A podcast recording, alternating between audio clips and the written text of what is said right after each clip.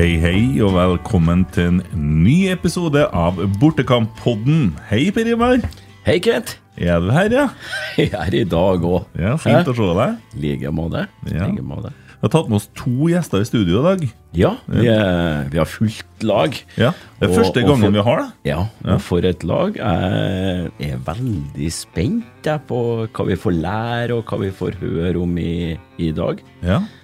Det er jo, eh, ja, skal vi si, eh, litt eh, av det biten som blir omtalt som samfunnsengasjement, som står på veggen til Rosenborg ballklubb. da, Og Pål Årvåg, hei.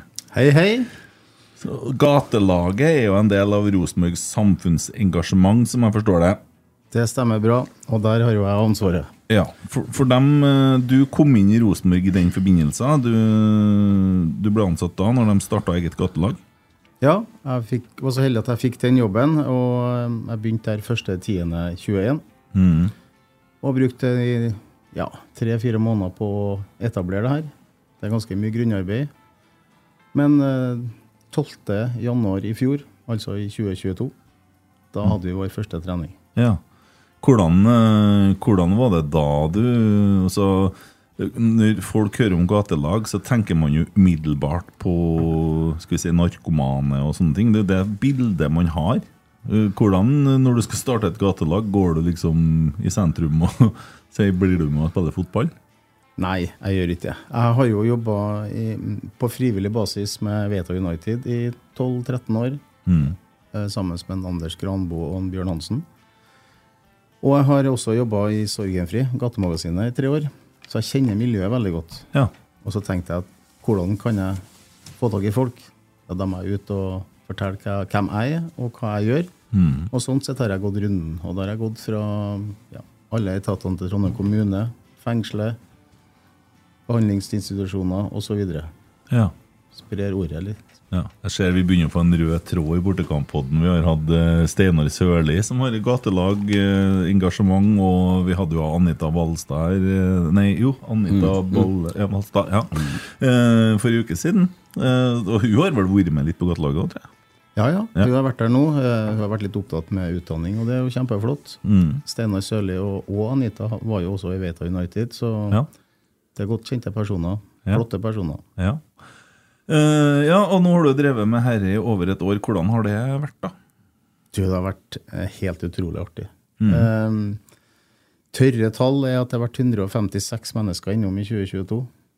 Det vil si at uh, vi har levert 5500 gode timer. Og gode timer er stikkordet her, for det er det vi har kalt det prosjektet her, da. Mm. Syns du har levert bra. Mm. Det er masse mennesker som har fått eh, bedre timer. Ja, seks timer, gode timer i uka. Mm. For det er, noe, det er jo noen sånne regler og krav her til at når du skal være med på trening, så skal du ikke Det jo i til rus og sånne ting, så er det Per dags dato så tror ikke jeg kan si at noen har kommet synlig rusa. Nei.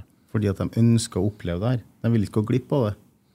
Og det er sånn at folk bruker mindre medisin. Det er det jeg da kaller rusen. Mm. Og eh, de sier at de tar mindre medisin dagen før, de som er, ennå er aktive. Og de tar ingenting morgenen før trening.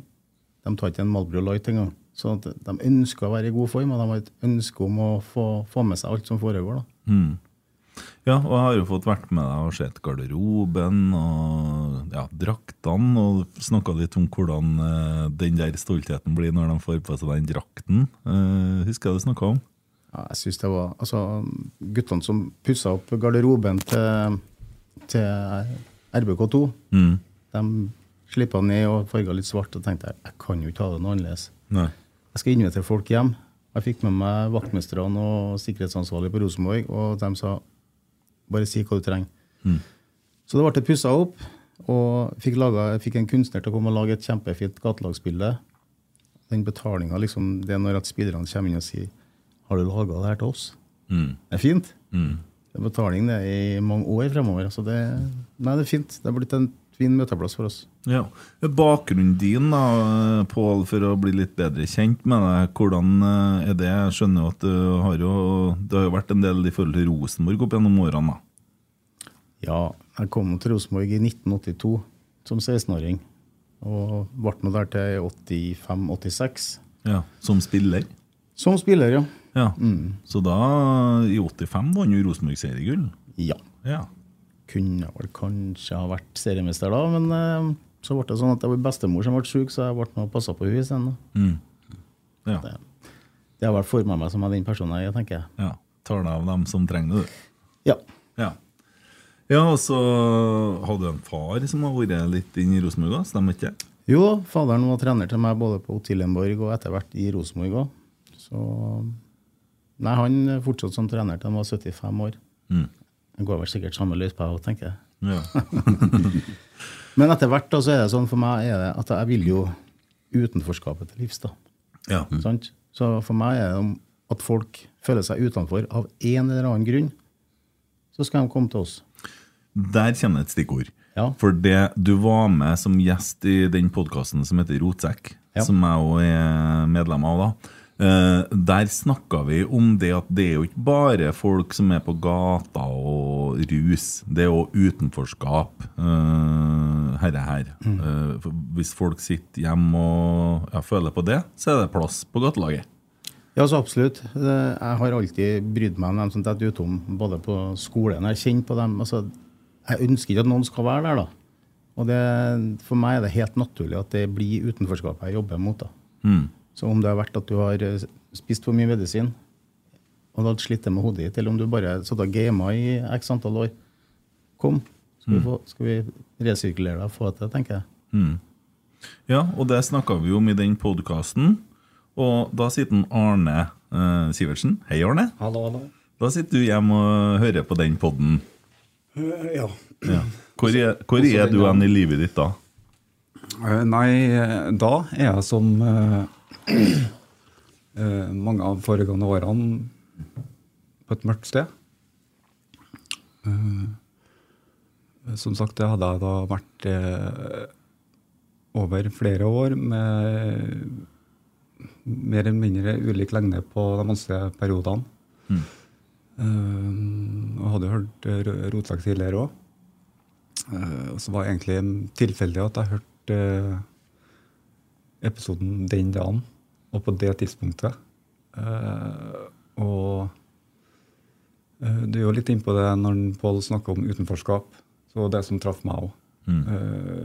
for sånn gatelagsprofilen, sånn, sånn som jeg kjenner f.eks. ut fra Fredrikstad, eh, så følte jeg at jeg passa ikke inn der.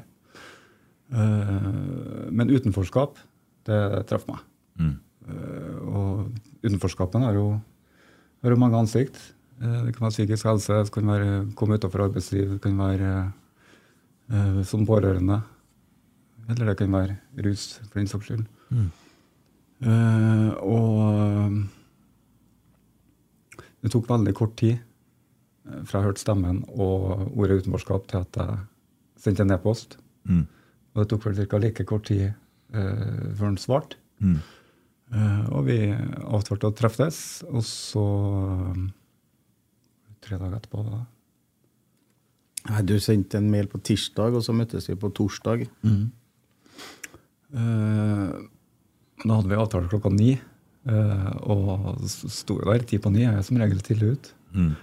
Og ikke veldig høy i hatten når du står og banker på, på døra til litt hellige hus. da. Som for en som er Rosenborg-supporter, så er det fryktelig stort. Mm. Eh, I hvert fall en som stort sett kun har opplevd det utenfra, som ikke har noe forhold til som spiller eller annen, annen rolle. -hmm. uh, men det er noe i Jeg snakka med en om det seneste uka her, at det, altså det når du møter blikk, uh, så er det noe som skjer uansett. Det kan være både positivt og negativt, eller det kan være ingenting òg. Men noe er det. Og noen ganger så er det det lille ekstra, og så er det noe med timing. Eh, Men Arne, når at du da øh, snakker med en Pål der, så er du i en situasjon i livet ditt. Hva, hva, kan jeg spørre om hva, hva det går på? Altså, hva det er som har skjedd, og hvor Ja, for du, du jobba du, Eller du var hvor, Hvordan var situasjonen din da? Nei, akkurat da så var jeg, hadde jeg vel var det vel to måneder, omtrent nøyaktig to måneder siden jeg ble ufør. Mm. Eh, Det var 1. eh, det året. Ja. Eh, Og det er jo ikke eh, Du er ikke høy i hatten da heller.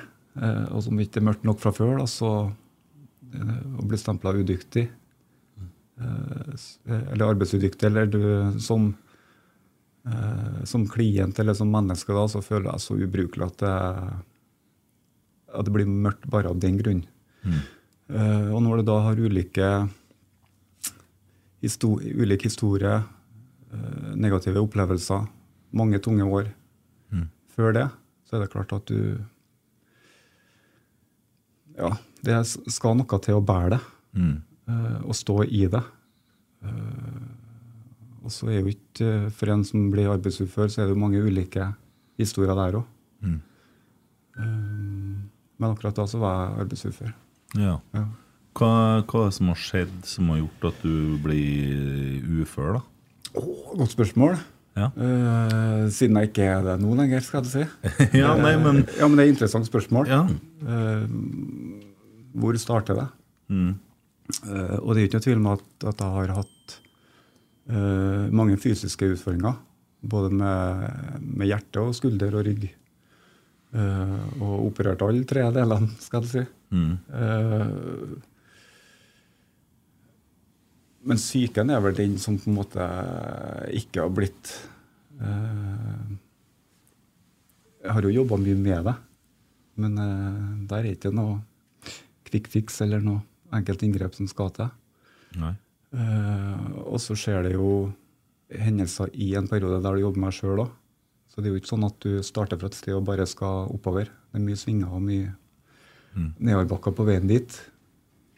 Eh, og noen er tyngre å bære enn andre der òg. Mm. Så det er veldig sammensatt.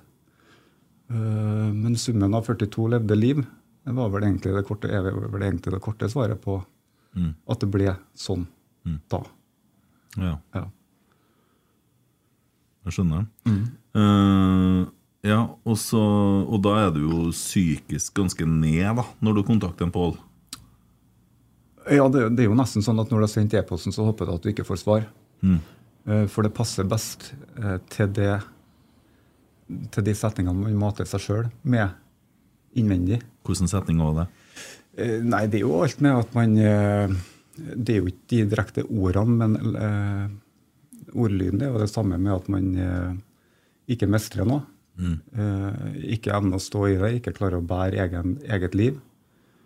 Eh, at man rett og slett er altså Det starter jo egentlig der, men til slutt så er det jo egentlig bare ei suppe. Mm. Altså Det er så mørkt så at du får ikke til å sortere hva som er hva lenger. Uh, så det blir egentlig bare en uh, tilstand.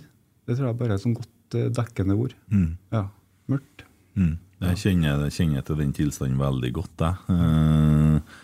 Jeg har jo og Ja, hva skal jeg si? Eh, det jeg tenker, i hvert fall i forhold til når jeg var på mitt mørkeste, var jo at jeg følte meg som en belastning for omgivelsene mine. Jeg, jeg har vel følt det òg, men kanskje mer i, form av å være redd for å ikke strekke til. Ja. Eh, og da først og fremst pga. ungene. Mm. Eller kun pga. ungene, er vel egentlig det riktige. ja. Um, nei, men altså, det starter jo med at jeg har en pappa som drakk mye. Eh, og det er jo ikke alle som blir i festlig humør av det. Nei. Eh, heller ikke han. Og det var jo krevende, spesielt når eh, mamma, mens hun var arbeidsdyktig, var, i, var på jobb. da. Jobba som uh, avdelingsleder på Orkdal sykehus før hun fikk MS i 92. Så da var jo hun rett ut eh, arbeidsufør etter første anfallet. Mm. Uh, så det var egentlig, det husker jeg var litt godt, da, at hun var hjemme. Mm. Og, men da var jeg tolv. Men allerede fra jeg var åtte så begynte jeg vel egentlig å bli ganske sliten. Mm. Uh, eh, med, da var det jo eh, hjertet som ble en stor utfordring. Jeg hadde mitt første altså Det slo ut når jeg var åtte. Så jeg var inn og ut av sykehuset fra jeg var åtte til jeg var 21. Jeg ble operert første gang. Mm. Uh, og der er det mange viktige år uh, og faser man skal igjennom. Eh, så allerede, allerede første årene på barneskolen så følte jeg, følte jeg meg veldig annerledes. Eh, og annerledes den alderen er jo ikke annerledes bra. Det er jo annerledes negativt. Mm. Eh, og skal jo bruke et ord som jeg egentlig ikke liker sjøl, men jeg finner ikke noe mer dekkende ord, og det er jo sårbar. Mm. Eh, For det er klart, når, når andre også begynner å se deg sånn som du føler, annerledes, og syns det er litt skummelt å bli henta når en klassekamerat blir henta av ambulanse, og, og så videre, uh, så blir man lett og så ble ble jeg rett og slett mobba over flere år. Ja. Ja. Både på barneskolen og på, på ungdomsskolen. Um, så fotballen har jo da Det har alltid vært det store. Da å spille på Rosenborg, er jo den største drømmen. Jeg hadde ikke noe drøm om å spille på noe utenlandske lag, men det var Rosenborg. Rosenborg. Ja. Har skåret vinnermålet mot eh, Molde på overtid. Og så tidsnok til å få et rødt kort eh, etterpå. uh, og jeg er jo 43 nå, og den uh, er like sterkt, altså. Mm. Ja. Men den tida er nok gått. Ja. Du spiller jo her nå. Jeg spiller her nå, vet du. ja. Akkurat. Ja. uh, ja, og så fra og så Du sier fram til du er 21. Ble du hjerteoperert, da, eller? 21 ble jeg operert første gangen. Ja. Så ble jeg hjerteoperert i 15, og så var jeg inn til en ny vurdering i 2020. Eh, men da landa vi på at nå lar vi bare ligge. ja. Ja. Mm. Eh, Så da de var inn, og inngrepet var Men valgte å ikke gjøre noe mens de holdt på. Ok. Ja. Eh, ja. Men det fungerer greit nok. Jeg, jeg trener jo ikke sånn, sånn som jeg gjorde da. Så Nei. jeg er jo ikke like prega av det. Nei. Skjønner jeg. Eh, ja, men uh, hva, er det de gjør i hjertet? Hva er feilen? Kan jeg spørre om det? De går, jeg vet ikke, jeg husker ikke nøyaktig hva det heter. Det har alltid vært sånn at uh, lata som at jeg ikke har hatt det.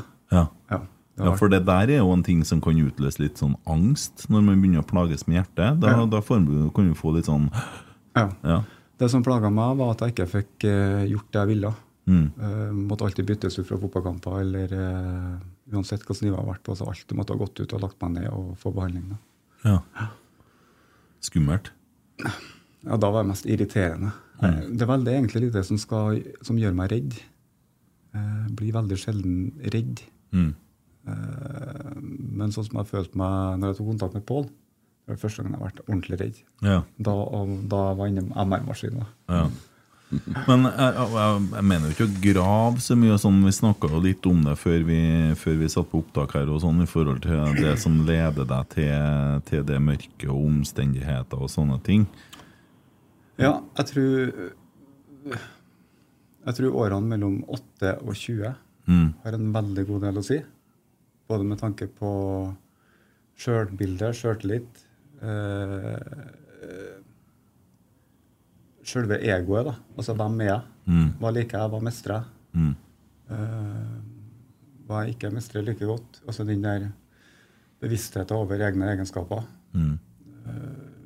For siden jeg var liten, så har jeg nok alltid vært på flukt mentalt. Eh, og det er jo en strevsom reise i seg sjøl. For i, det du legger ut på en sånn, en sånn reise, så så har det vært tungt en veldig god stund. Mm. Altså det, er jo en, det er jo en utvei, det er jo en forsvarsmekanisme. Mm. Så klart at det er jo et, eh, er et sterkt symptom Mm. som jeg selvfølgelig burde ha vært klar over tidligere sjøl, men som når det står på, er så eh, tilfredsstillende. For det er det. Det å slippe å kjenne på vanskelige følelser, det er en, eh, en god følelse hvis du, at du absolutt ikke vil kjenne på. Mm. Og telefonen din driver og ringer. Er det, en Ja. av, er det en av ungene dine Det som eh, er Yngstad. Ja. Du har, eh, du har eh, tre barn? Tre fantastiske barn. Ja. Ja. Jeg har eh, ei på 9, en på 14 og ei som blir 16 nå på fredag. ja. Det er stas. Ja, det er helt fantastisk. Ja. Ja. Ja. eh, hvordan var møtet med en Arne, da, Pål? Du, det var Sorry. Det var veldig sterkt, det. Det var tre timer vi prata sammen. Um, ja, Tårene trilla til begge to. Ja. Men så er jeg litt sånn at jeg, jeg må gjøre noe. Så jeg, spør jeg hva skal du gjøre i morgen. Uh, ingenting, sier Arne. Fint. fint. Da har jeg treningstøy klart. jeg. Ta med meg sko, så trener vi. ja. Det var fint. Siden har det vært oss to. ja Det har ja, nei, men for, det var, på den fredagen der, den var det jo, da hadde, vi- trente vi litt på den ene sida, og så trente A-laget på den andre sida. ja. Føler ikke jeg veldig stor da heller, Nei. når, når man tenker på bakteppet. da. Nei, jeg skjønner det. Uh, men det ble jo en uh, Først og fremst er jeg veldig glad for uh, at det ble som det ble. For det, det er jo litt sånn at man Vi er jo stadig på farten, egentlig, på flere kanter. Mm. Man Vi skal ikke rushe hvor det lander igjen, her, her for det, det, det, det, det ender jo litt fint. Eh, Men de, de tre timene dere sitter og prater, da, hva, få høre litt om dem, da. Eh, Jeg tror Når jeg først var der, eh, så følte jeg alt i hermetegn kom da, Mm. fra min side. Eh, Sånn som det føles, så satt jeg vel første timen og grein. Og prata og grein og prata. Um, og ble jo møtt egentlig med kun aksept og forståelse. Gode, kloke ord tilbake. Uh, og det føltes jo heller ikke som floskler. Altså det var veldig sånn uh, tyngde i det jeg ble møtt med. Og da blir det veldig fort troverdig. Eh, for det ble en veldig fin, eh, veldig fin prat. Veldig fin eh, inngang. Absolutt. Går det an å si at det representerte uh, slutten på flukten? Nei, Nei. det gjør ikke det. Nei. Nei, for det var fortsatt uh, Nevnte vel til jeg snakka med deg om det i fjor sommer òg, om at uh, de tankene om eh, At det ikke var helt verdt å leve, og var der ennå. Okay. Uh, og plut kan plutselig dukke opp i bilen på vei hjem. Liksom nå, Hvis, at jeg, hvis jeg krasjer eller kjører utfor der nå, så er jeg, uh, har jeg i hvert fall noen som syns at jeg er OK. En OK fyr. Uh, og så forsvinner den tanken, og så kommer jeg tilbake. altså Det lever litt egentlig veldig flytende på sitt eget liv. Det er ikke sånn at man på en måte sitter og klokka fem år fram så skal jeg tenke på det og det. Altså, det indre livet lever jo sitt eget liv. Ja. Det kjenner jeg veldig godt igjen. Altså, det tar ganske lang tid å få bort, for det, jeg vet når at uh, jeg i 2013 da, eh, skulle begynne å reise meg etter at jeg var den plassen der jeg ikke ville leve lenger, så kunne komme nesten sånn ufrivillige flash på en måte av at jeg avslutta. Ja. Og det hang med meg i mange år. Ja. Og, så, og, det, det, sånn, og det, det var så spooky, for det var, det var så nesten litt ukontrollert. ja, og gjerne så kommer det i situasjoner der at du egentlig er på et godt sted. Ja. Du har hatt en fin dag, du har hatt en fin uke. Det er veldig positivt du skal hjem til noe fint. Mm. Du, man tenker jo ikke over nødvendigvis det i bilen, og så plutselig så bare kommer de tankene. Mm. Ja. Og det er jo helt forferdelig vanskelig å snakke om. ja. Eh, det er en treningssak, det òg. Ja. Punkt én så må det jo være i et trygt miljø. Eller i hvert fall oppleve det som trygt. Det trenger jo ikke være trygt i det hele tatt, det vet man jo ikke.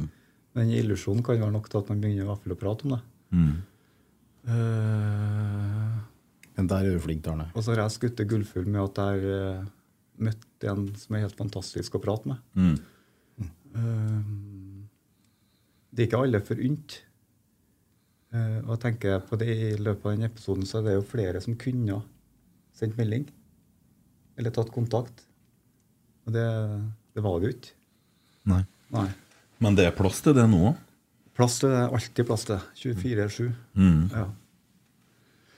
Uh, Men, nei, ja. men forteller du da, Pål, når dere sitter der, at du har det her uh, suicidale tankene? Det husker ikke jeg. Hva jeg sa? Nei, forteller han deg om at han Ja, er han helt- gjør det. Ja.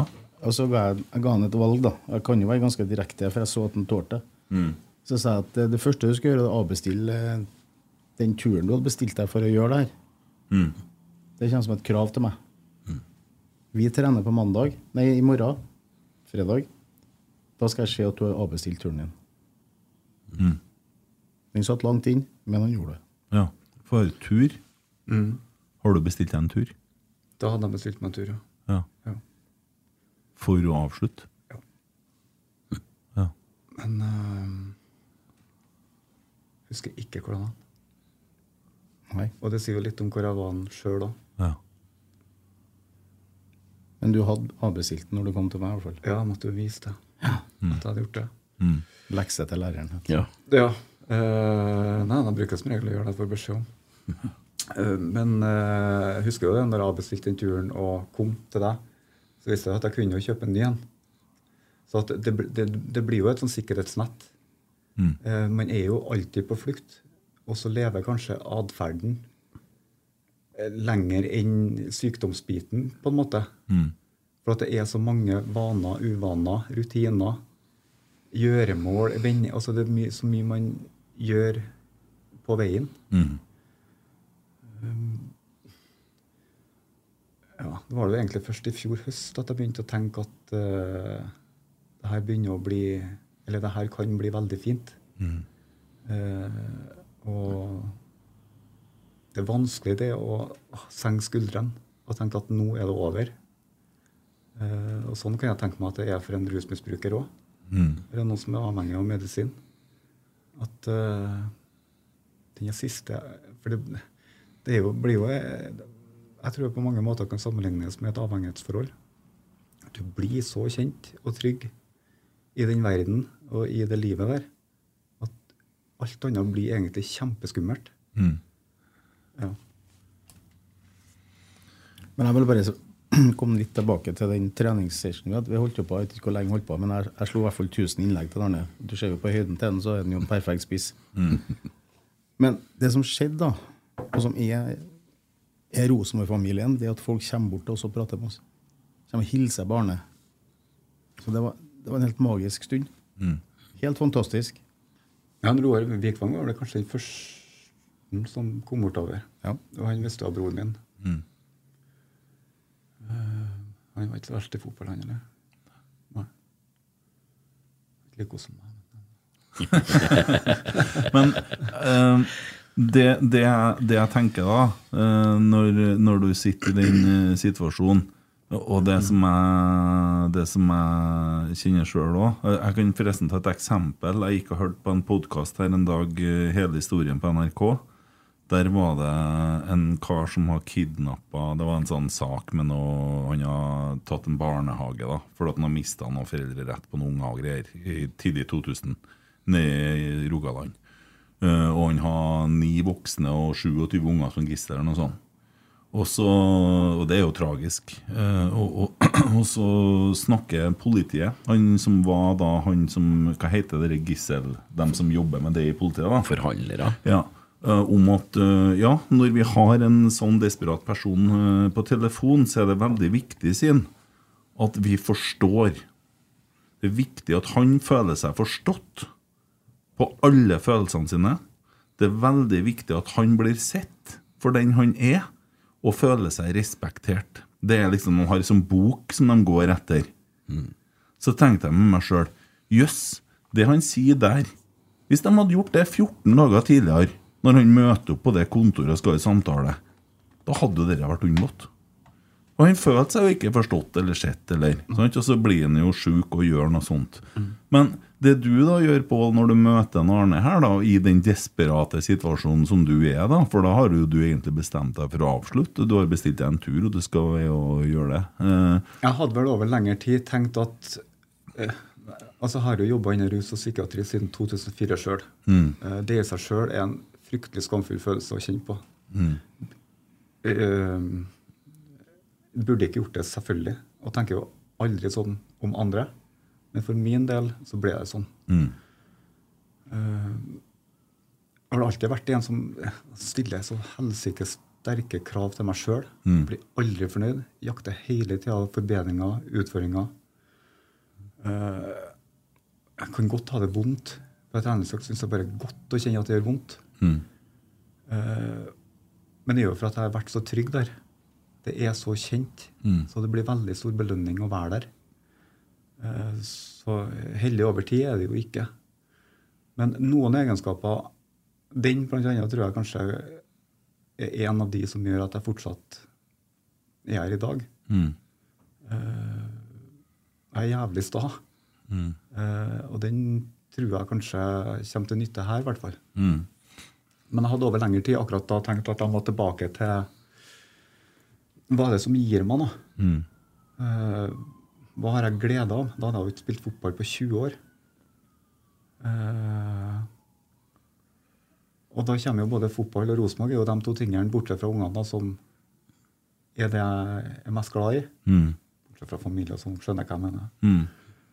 Eh, så at eh, Da var det jo helt fantastisk å kunne gjøre det med gatelaget. Og da var det jo rett og slett det brepet du brukte med utenforskap.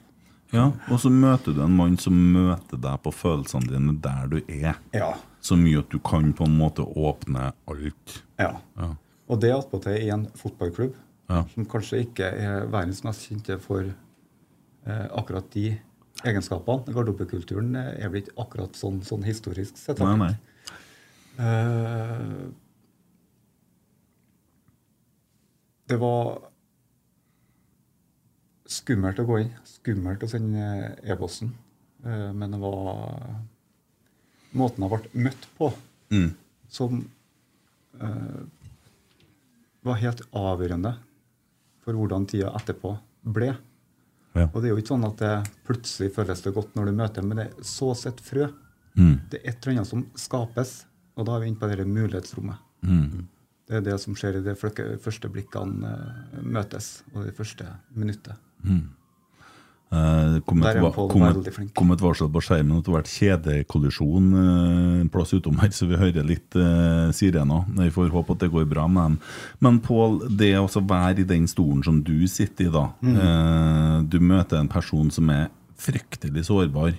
Og det er jo en utrolig vanskelig øvelse å skal være den som møter man på de følelsene der. For det er fort gjort å bli moraliserende og, og, og sånne ting. Du skal ha ganske store baller du òg, da, når du sitter der. Jeg tenker og jeg bruker alltid å si at jeg er bare meg. Og, og jeg er jo egentlig bare det. Men jeg kommer jo fra en familie som alltid har vært opptatt av å hjelpe andre. da. Så det var noe som er iboende i meg. Men jeg er ganske flink til å lytte. da. Og jeg føler jeg har blitt ganske flink til å bekrefte følelsene til folk. da. Så ja. Nei, jeg, jeg er nå bare meg. Mm. Så, men eh, det var fint, det er fint å kunne hjelpe til. Det er fint å få folk eh, resirkulert og få, få dem tilbake. Det er et forferdelig dårlig uttrykk, da, men få mennesker tilbake til livet igjen. Mm. Og det er en, en god ting å holde på med. Mm. For meg føles det helt naturlig å gjøre det. Så jeg er glad jeg fikk den sjansen i Rosenborg. Mm.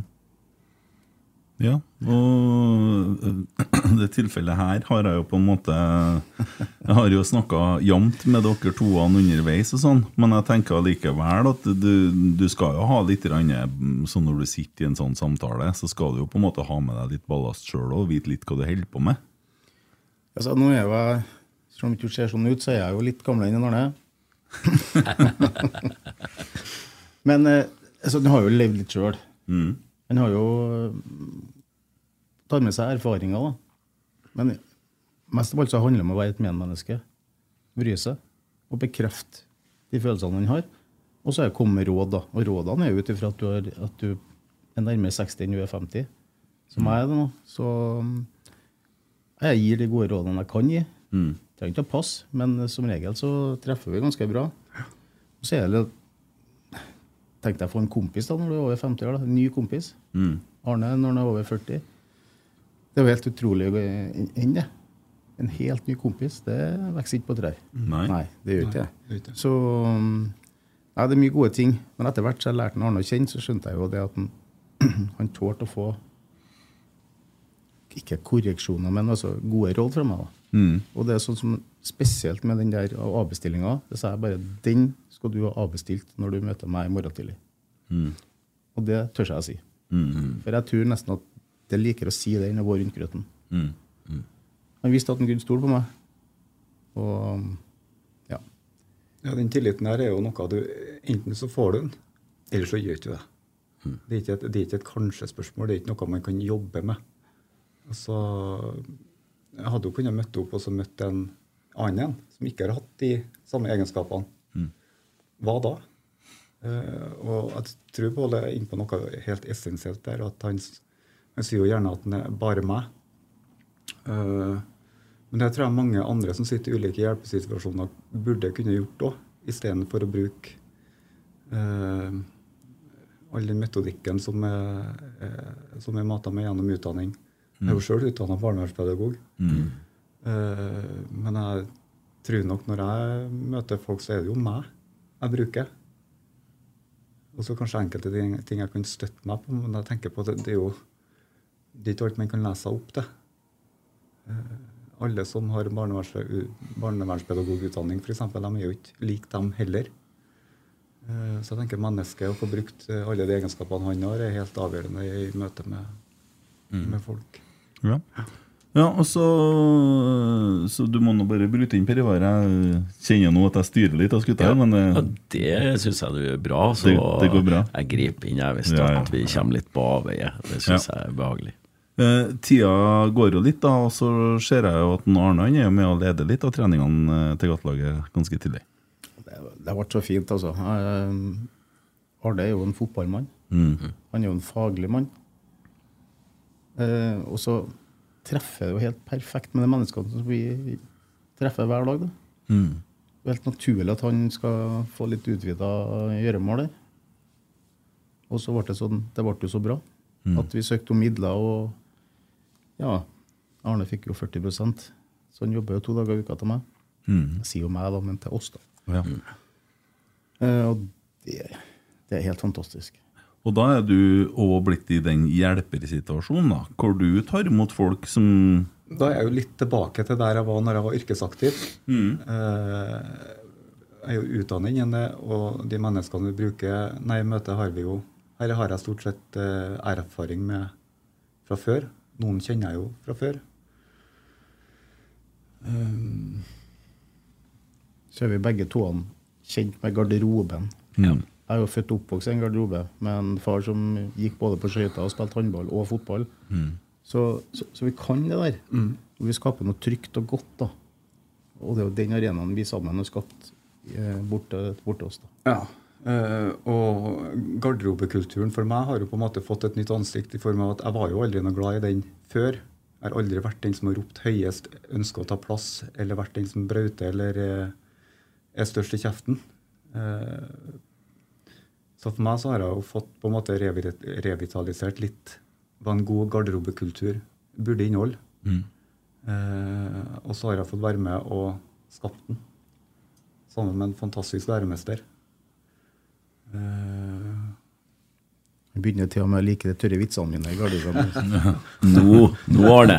Jeg har hørt et par av dem, og de er ikke, det er ikke bare bra, nei. Nei. Ja, og så skjer det jo faktisk enda mer her. Fordi at uh, du blir jo kompanjong med en uh, Alex uh, for A-laget. Ja, jeg, jeg kan jo ta det med, med, med gjennom Fotballstiftelsen først. Da, da sitter jeg jo med Du er på et kurs i Nord-Trøndelag, mener jeg. Og Jørgen og jeg er nede på, har samling nede i Oslo. Eh, også på kvelden så er vi nede på Aker Brygge og, og spiser litt. Og da spør han jo Det er jo der han spør hva jeg tenker om det. Om det er noe jeg var interessert i. Eh, og det var jo bare ja, selvfølgelig. Ja, Da får du spørsmål om du vil bli med og hjelpe til som materialforvalter for Rosenborg A-lag. Herrer. Ja, var det det? Eller var, var ikke det det var Fotballstiftelsen? Fotballstiftelsen først. Fotballstiftelsen. Ja, ok, det var ja, fotballstiftelsen. Ja. Eh, så da sitter vi nedpå der, og han spør, og det blir jo liksom eh, Hvis en skal ta det siste året, da, så, så er det jo veldig sånn Det har gått steg for steg, sakte, men sikkert. Og så er det ikke rett oppover. veldig mye bortover, og så er det nedover. Og så er det mye svinger, og så usikkerhet og skepsis og um, generell ubehagelig mangel på kontroll. Mm.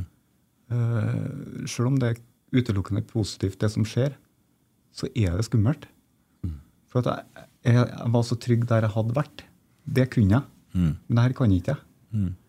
Eh, og så er det noe også med, med inngangen til det. Man har ikke søkt på jobben. Man har ikke eh, fått jobben på bekostning av noen som er kanskje like godt eller bedre kvalifisert. Jeg har jo fått der for at eh, Du er den du er. Ja, det kan jeg jo si, men det som Ja, jeg sier jo det. Det er jo jeg som har ansatt det. Må høre på det nå, da. Men den indre stemme, den indre dialogen foregår jo som så at eh, du har fått den for noen, fordi noen syns synd på deg. Eh, eller du kan dekke en rolle midlertidig. Håpløst, altså. Ja men, ja, men det er jo sånn. Ja, ja, jeg skjønner. Ja. Ja. Men, men det skjer jo litt ting her, da. Det, da, da. Da får du jo òg hjelp A-laget som materialforvalter. Ja. Jeg ble litt inn i, A-laget i sommer, i løpet av sommeren. Mm. Litt, tror jeg det var. Uh, og så fikk Jeg husker ikke om det var, i september at, for, at jeg ble spurt om å 40 stilling Ja. til A-laget. Ja. Uh, ja. Jeg kan bare skyte inn, jeg. Jeg hadde jo ferie. Og mens jeg hadde ferie, så hadde jo du gatelaget. ja, det hadde jeg jo. Og samtidig så tok du vasken for eh, A-laget. Mm. Uten at noen hadde bedt deg om det. Mm. Så det, det ga seg litt sjøl. Mm. En mann som tar ansvar, en mann som vet hva som skal gjøres. Ja. Og så ble du spurt. Ja. Jeg står ikke og ser på ting som skal gjøres, da er det bare å få det gjort. Ja. Ja. Eh, Så i september, når jeg ble spurt, så Ja, det er jo helt fantastisk. Ja. Så da, du føler ikke deg like liten. Men likevel så fører den indre dialogen den går samme veien, ja. men ikke i samme intense styrken. da. Nei, jeg, jeg, jeg snakka jo med en Kjetil, jeg gjør jo det innimellom. Og du var vel med til Marbella. Ja. Aldri opplevd maken. For en innsats. Snakker om da deg. Ja. Ja, 100 hele tida. Og, så, og, og, og så medgjørlig og så flink og så uh, klar for hele tida. Eh, og, og selvdreven, og det var ikke måte på lovord. Uh, og jeg ser deg på TV-en når du da er med A-laget ut, og det er jo ingen som bærer det her logoen stoltere vet du, enn enn du. Og da er du jo på laget, da. ja. Nei, det er helt fantastisk, rett og slett. Ja. Ja. Og da er det altså på litt over et år så er det fra 100% ufør til en ressursperson fra, for et eh, ja, eh, relativt eh, stort fotballag, da. For å toppe det, og så gikk Det var jo 40 til gatelaget. Og 40 A-laget. Men nå har det blitt 60 A-laget. Så fra 100% i ene enden til 100% i andre enden. Fantastisk. Det er så utrolig bra. Ja. Jeg er glad hver dag. Ja, men det er jo jeg òg. Jeg gleder meg jo til å dra på jobb hver dag. Eh, og da er det frustrerende å fortsatt kjenne på de samme type følelsene. For du kjenner på en for- form for utakknemlighet eller en sånn ja, Jeg finner ikke riktig ord heller, men jeg tror det er bare noe som grums som bare må få tida, og så forsvinner mer og mer. altså. Det gjør jo det, med, med hvert fall altså, sannsynligvis, da. Så vil jo ting eh, normaliseres etter hvert. Og så er det jo noe med Du snakker jo om selvbilde og selvtillit, og jeg mener jo at det er jo to litt forskjellige ting. Eh, jeg har alltid hatt selvtillit når jeg har stått på scenen eller fått en mikrofon foran meg, som du hører. Hem, hem, hem. Men selvfølelsen kan av og til være eh, lav i forhold til hvordan jeg føler om meg sjøl som menneske. Eh, fordi at jeg òg har det der Jeg føler ikke at jeg fortjener det her. Og klarer liksom ikke å få på plass det er alltid i meg sjøl. Men så blir man jo vant med det etter hvert, for at man kommer seg jo på den hylla da man skal være. Men det er jo på en måte en sånn Kanskje så er det òg en drivkraft på en eller annen litt absurd måte, fordi at det holder deg så på pletten at når han Kjetil Rekdal sier at det her er en mann som virkelig står på, så er det på en måte du driver og skal vise deg sjøl at du er bra, og så blir det så du tar det ekstra steget hele tida. Ja, det blir kanskje sånn, men jeg har aldri hatt motivasjon for å, av å imponere noen. Nei. Jeg har aldri hatt det behovet. Nei, Så- men du må jo forklare deg sjøl først, tydeligvis, at det er bra nok. Ja, så det er et eller annet innvendig som eh, Som eh, foregår uten at man har noe sånn bevisst forhold eh, til det. Og det som på en måte kanskje er det som er tyngst, det er vel opplevelsen av skam. Ikke opplevelsen. Det er skamfølelsen, rett og slett. Mm. Og den Ja, den forsvinner ikke like fort, altså. Eh, og den dukker opp i de mest rare situasjoner, og også som sagt i situasjoner som der de absolutt ikke burde vært til stede. Mm. Uh, og da kan det kanskje være mm, Jeg vet ikke om det er følelser som vi menn er, er jævlig dårlige på. Mm. At vi ikke har den treninga, eller at vi, vi er ikke like flinke altså, til, å, til å mestre den type følelser, eller ha et forhold til dem. Nei, for jeg ser jo et bilde ikke sant, av, av livet ditt. Du sa litt over 40 levde år, ikke sant? Og fra eh, tidlig januar i, i fjor nå, sett opp mot det levde livet, så er det en brøkdel, ikke sant? Du har vært forma på en måte av, av, av omgivelser i en motsatt retning av det det siste godt og vel året har gitt deg, ikke sant? Og da er det, han skal jo bruke matematikk på det her, men det er jo besnærende å, å, å tenke seg til at ok, vi må jevne ut det her litt, rann, før det gradvis vil forsvinne, som, som du jo sier, Kent, at det antageligvis vil gjøre. Ja. Man starter jo som en aktør i eget liv. Ja, ja, det er det du har Og etter eh, hvert så blir man en gjest. Man opplever seg sjøl som en gjest i eget liv. Du har ikke det, den kontrollen eller den eh, bevisste forhold til det. Nei. Og så etter hvert, når det blir eh, veldig vanskelig, så blir man jo en tilskuer. vi står og kikker på. Uh, og sånn ble det fra 2010. Jeg husker nesten datoen. ja. Så, så tok jeg et visst valg om at nå er det bare å glemme meg sjøl. Nå er det bare å vente, sette livet på vent til ungene er 18 år, og så kan vi begynne å rydde når den dagen kommer. Eh, det er jo ikke en veldig god strategi. Eh, igjen så er det vel et symptom på at, uh, at allerede, allerede begynner å bli vanskelig der. Men så har man jo så mange arenaer man skal mestre og gi på. For det første, du skal være der 100% for tre unger. Og dem har jeg jo omtrent vært alene om siden de ble født. Fram til inntil for ett, ett og et halvt år siden. Uh, og jeg tok utdanning i 2010, eller starta bacheloren i 2010. Eh, gikk på skole fra 2003 til 2005. Og, og starta i psykiatrien da. Eh, og så skjer det jo mye etter man har tatt et sånt et valg òg. Så er det veldig mange hendelser som er så inngripende og så altomslukende og så definerende for eh, hvordan livet egentlig er. Eh, Så det, det jeg mener at det skjer ting egentlig hele tida. Eh, Og når det da skjer i nære relasjoner i tillegg, og når det er hendelser som er vanskelig for meg som mann i hvert fall, å håndtere, eh, og da er vi inne på skam, Mm. så, så blir det over tid fryktelig vanskelig å stå i livet generelt. Mm. Pål klapper Arne på skuldra her. Ja. Ja, ja eh, forstår, jo det, forstår jo det, Arne, men oppi, oppi de utfordringene da, så har du jo på en måte gått fra minus 100 til pluss 100, på en måte. Vi snakker om i hvert fall i forhold til den yrkesaktive veien, og du virker jo som du er på en helt annen plass i deg sjøl Ja. enn hva det var når du skrev den mailen. da. Ja, og det gir jo en helt annen En stolthet. Det, den tida man egentlig bruker på å tenke tidligere, den bruker man på å gjøre noe Mm. produktivt. Eh, så sånn sett så er det jo klart at det, det er to vidt forskjellige liv. Uh, men da er det frustrerende at de, de ulike følelsene fortsatt henger ved. Mm. Ja. Uh, For noen er man jo fortsatt avhengig av å ha en relasjon til. eh, På grunn av barna. Eh, Og det er vanskelig. Mm. Ja. Jeg vet litt om det òg. Eh, Men eh, den tida går òg fort, på en måte.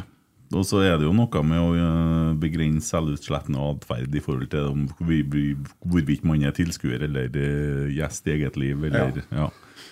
Så eh, det forstår, jeg, det forstår jeg veldig godt, ja. Men det Ja. Dere snakker dere om da, skjønner jeg, Pål. Vi snakker mye om det. Mm. Ganske klar, og jeg forteller hele tida hvor god han er. Hvor flink han er. Og så legg bort de tankene der. For nå kan jeg si det. Helt konkret, altså. Helt konkret, rett og slett. Men tenk på det fine vi gjør, da. Vi, vi sammen nå, vi lager jo jobb til folk, vi òg. Mm. Vi får jo resirkulert mennesker. Førsten jeg fikk ut i jobb, er jo Arne. Ja. Da kan jeg si jeg. Mm. Men nå sammen så har vi fått ut en av spillerne våre som jobber to dager i uka. Og vi har seks andre som også er ute i jobb. ja. Gjennom å ha vært en del av fellesskapet vårt. da. Mm. Det er utrolig fint å tenke på. Hvordan er dere der når det kommer folk i, som er med til dere? Eh, Er det sånn at de kommer fra kanskje gjennom etater eller noen sånne ting? Og er det noen som er å følge opp? Hvordan fungerer det? Vi har eh, vært runden rundt. Vi starta øverst i Trondheim kommune, og så har vi vært etatene nedover. Vi har eh, invitert oss sjøl inn. Vi er på fengslene og snakker. Vi skal på fengselet neste uke uh, igjen, så vi begynner runden på nytt igjen. Senest i dag så kom det fra en av kommunens etater der vi har vært på og hatt et frokostmøte, og de sender folk. Kriminalomsorgen har sendt folk til oss. Som da, ja, det, det er gode ting som skjer, da.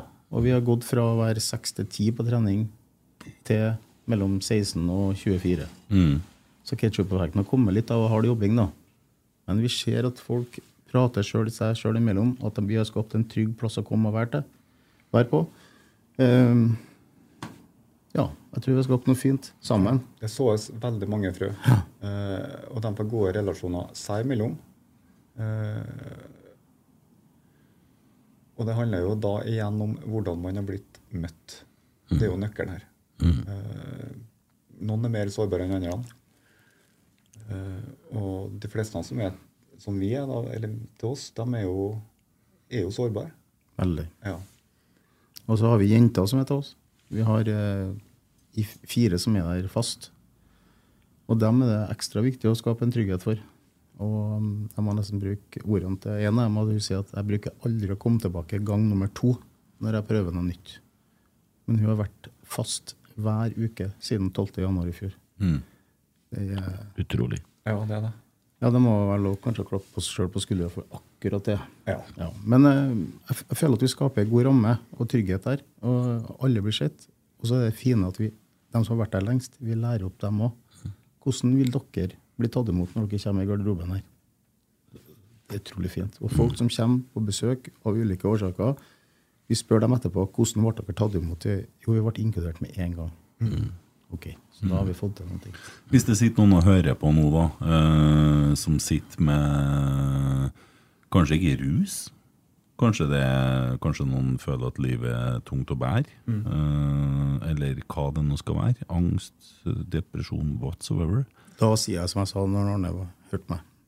Da ta kontakt med oss. Ja. Og, Og da litt- kan man gå inn på rosenborg.no, så finner en en Pål og en Arne ganske lett der, f.eks. Det ligger ut telefonnummer og mailer og sånne ting. Mail skjønner jeg i hvert fall at det ligger ut av Arne. Ja, det, det er bare å ta kontakt. Ja. Eh, Vi trener nå tre dager i uka. Mm. Fordi at vi syns det ble veldig lang tid mellom onsdag ettermiddag og mandag formiddag. Så nå trener vi mandag, onsdag og fredag. Mm. Oppmøte halv tolv.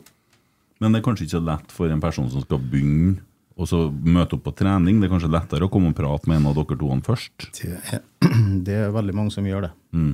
Ringer til meg, eller sender en tekstmelding eller sender en mail, og så møtes vi i forkant. Så oppfordring om det er noen hjelpeinstanser som sitter og hører på òg, bli med dem. Ja. Ja.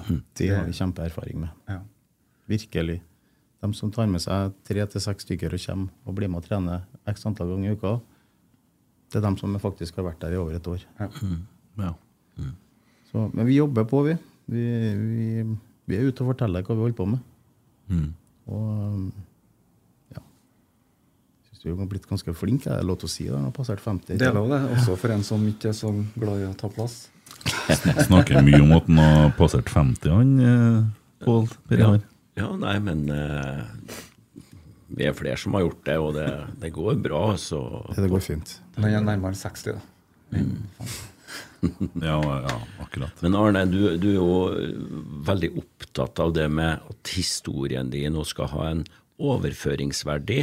Fortalte du før vi, før vi satt på mikrofonene her. og sånn, For utenom det og Det kan jo sitte her mennesker som hører på, som sliter på samme måte som du gjør, eller lignende måte, men som ikke har den, den, den dragninga til fotball. Eh, fotball.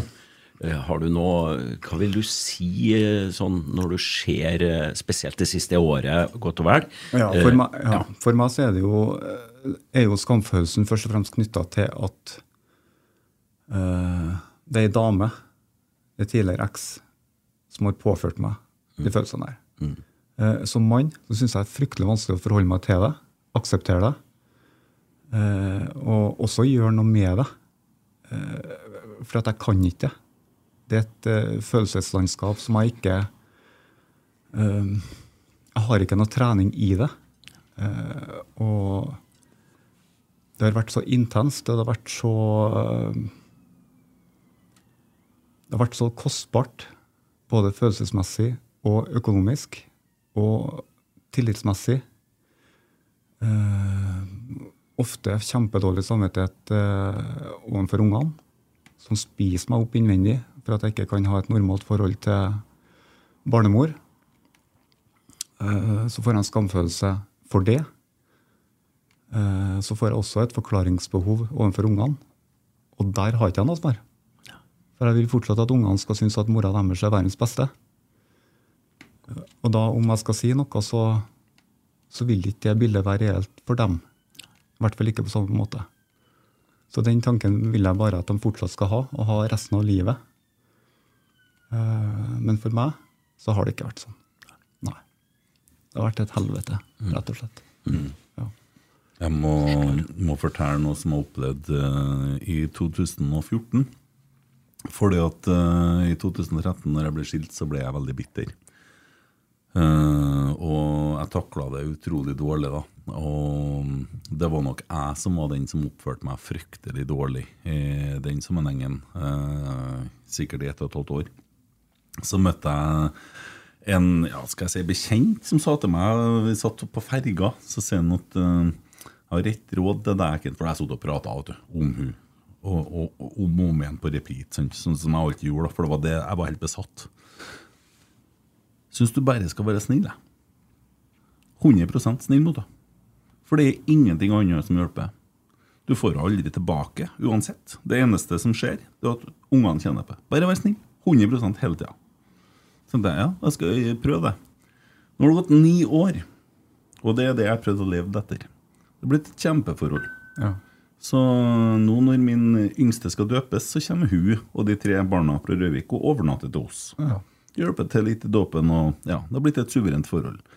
Og jentene har kjent på Har det vært noe, så har jeg vært tydelig eh, oss imellom på at det her syns jeg er sånn og sånn. Og så har jeg fått på en måte Men jeg tok litt sånn ansvar for følelsene mine, og så stengte jeg det ut med bare å bruke bare godhet. Det var en veldig merkelig greie til å begynne med.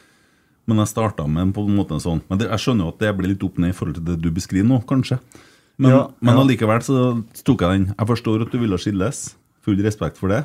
Og jeg forstår deg veldig godt, og jeg er enig med valget du tok. Jeg hadde også kommet til å skilte meg fra meg hvis jeg var deg. Ja. Og så tok jeg den bare sånn. Etter det så har jeg sagt ja, stilt opp og bare vært positiv. Hører mange, mange sånne historier, og jeg syns det er helt fantastisk. Og det har jo vært den store drømmen min òg. Eh, det er det ikke lenger. Og det som gjør det utfordrende for meg i min situasjon med det som har vært, er at eh, nå er det jo seks år siden, men det er en atferd som fortsatt opprettholdes. Så du blir stadig bare fora med eh, Ja. Uh, og det gjør at det er fryktelig vanskelig å komme seg videre fra det. Det, det forstår jeg fullt ut. Og det, det finnes nok sikkert noen som har gode teknikker, og sikkert, du får sikkert masse råd underveis òg, men jeg tror nok at øh, åpenhet For det første, det er jo at, det er en gave du tydeligvis har, da. øh, med at du forteller alt som du gjør til oss her nå i podkasten og sånn òg. Ja, men der har du vært en stor motivasjon. Eh, per Ivar. Har eh, vært det samme. Eh, og eh, jeg, jeg har jo ikke vært noen engel heller. Eh, I 2010 for eksempel, så var jeg jo utro. Jeg òg, som mange andre. Men det var jo en gedigen skamfølelse, det òg. Et voldsomt nederlag. Mm. Først og fremst overfor meg sjøl. Såpass egoistisk eh, føles det. For det var meg sjøl jeg skuffa. Jeg har sagt at jeg aldri skal være det. Jeg har lovt meg sjøl at jeg aldri skal være det. For jeg opplevde det som et tegn på eh, så mange negative personlige egenskaper. Så det, er et- det er et korthus altså, som raser i det du gjør det. Eh, og jeg valgte jo å si ifra. Jeg ringte jo og sa fra at jeg var det. Eller hadde vært det òg. jeg hadde jo håpa at, at det var nok til at da drar jeg. Og det svaret fikk ikke jeg. Uh, men jeg har vel kanskje fått svarene de eh, sju årene etterpå. Mm. Uh, Sjøl om det kanskje ikke står i stil. Det jeg kan si, i hvert fall i forhold til, til min opplevelse, var jo at det jeg oppdaget etter hvert som jeg jobba med meg sjøl i forhold til ting, var at verden endra seg. Eh, fordi at eh, mitt syn på omgivelser endra seg. Eh, og så er jeg heldig, jeg òg.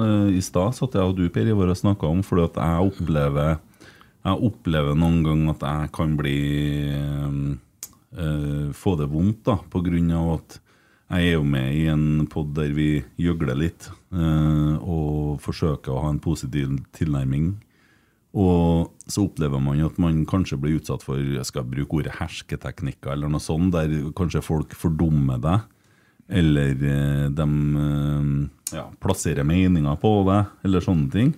Og det kan være sårende nok. Og det kan irritere meg. Og så begynner det å ta opp hodet mitt en del. Og når det begynner med det, så begynner det å kverne. Og da vet jo jeg hvem jeg er. For når det begynner sånne ting å kverne, så kan det gå litt på repeat. Og da er det godt å kan si til Per Ivar nå sliter jeg litt med sånne ting. Og det er jo egentlig banalt. Men det, det tar opp litt av følelsene, for jeg syns det er urettferdig.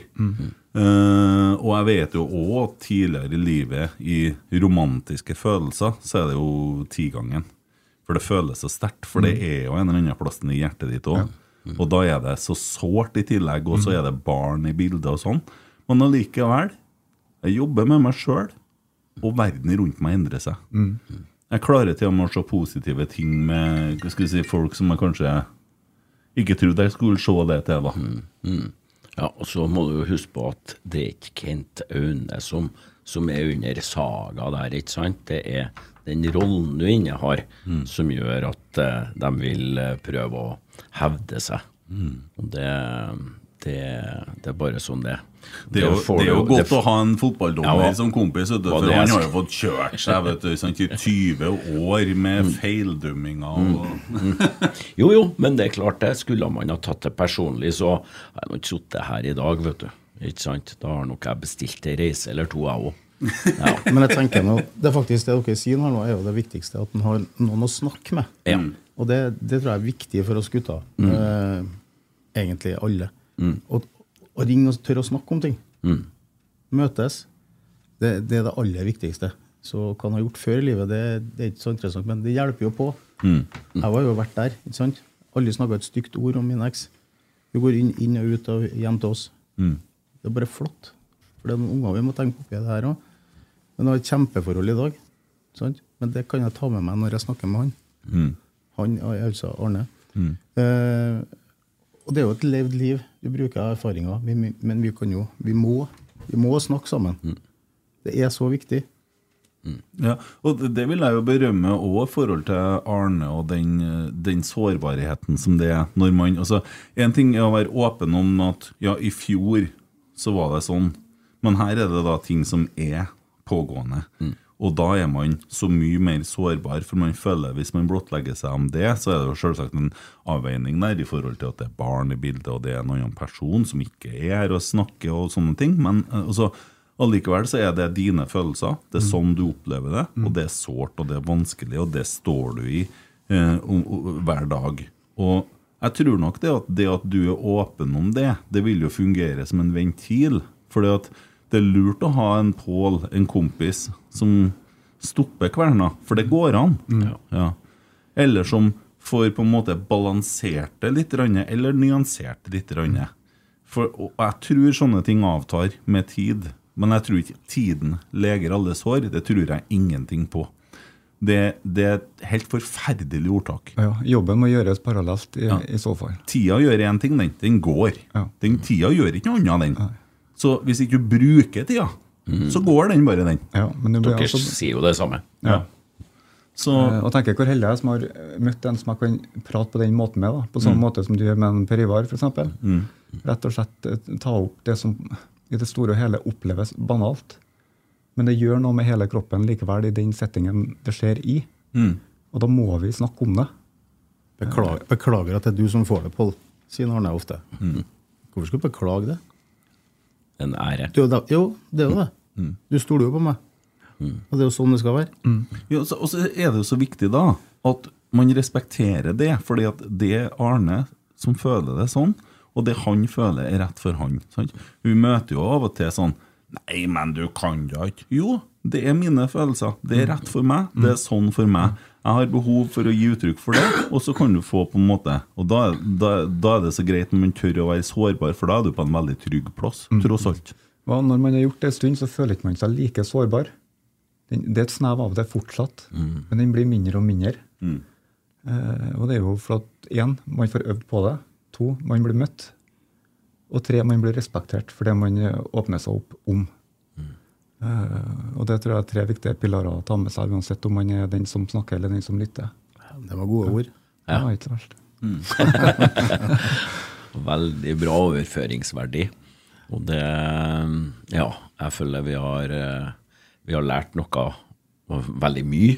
Eh, Man kan, tenker jeg eh, Det er jo ikke det er jo ikke forskning her, her, ikke sant? men det å bli påminnet om at det hjelper å prate om det, og øh, det hjelper å kanskje øh, tenke seg litt om som mottaker, at man øh, har denne forståelsesbiten langt fremme, og da, da blir det bra, altså, da kan det skje øh, magiske ting som det har gjort i det siste godt og vel året mellom øh, primært dere to, selv om det er jo et, det er andre her som har vært involvert hele tida. Fantastisk historie, Arne, som jeg er veldig glad for at du har delt med oss. Takk for det, og takk for at det er en arena der man kan dele òg. Og så vil jeg jo på en måte, Det er jo en, er en holdning på en måte, eller en, en eh, Jeg syns jo hele Rosenborg og klubben er på vei i, et, i en annen retning enn hva jeg har opplevd det utenfra. Eh, og, og da tenker jeg at det, er- da må man i alle fall bidra med den historien, historien man har. Vi står jo noe frø hele tida, Arne. Ja. Og vi driver jo sår, vi går jo med og slipper noe frø av lommene våre hver gang vi går over kunstgressbanen. Håper at det spirer og gror. Men vi gjør det inni brakka òg. Og folk kommer og spør om hva vi holder på med. De er interessert, nysgjerrig. Geir Frigård kom ned, Kjetil kom ned første dagen de skulle bli eh, presentert som trenere. Kom og fortalte den viktige jobben jeg gjør. For da var det jo ennå bare meg. Men det sier noe. Sånn. De ønsker at vi skal komme og snakke med de unge spillerne. Altså, Ting skjer. Og Det er helt fantastisk, de som ikke vet hvordan det er på innsida i Rosenborg. Det er folk som bryr seg, altså. Det er hele linja. Og det blir bare mer og mer. Der tror jeg vi Jeg tror vi er ganske flinke der. Ja, folk er folk. Og jeg tenker, jeg tenker det er utrolig viktig å tenke at uansett om man er fotballspiller, musiker, eh, ja, hva man enn er, så kjemper de aller fleste i en eller annen kampen med seg sjøl. Den kan være større eller mindre, men for den som har det, så er det betydningsfullt. Og det er viktig i møte med, med alle vi møter på veien. Spør hvordan folk har det. Det er aldri dumt å gjøre det. Nei. Og så er det godt å se, for dere to er jo kulturbyggere. Og den kulturen består jo av å tørre å være sårbar. Og det er veldig fint. Mm.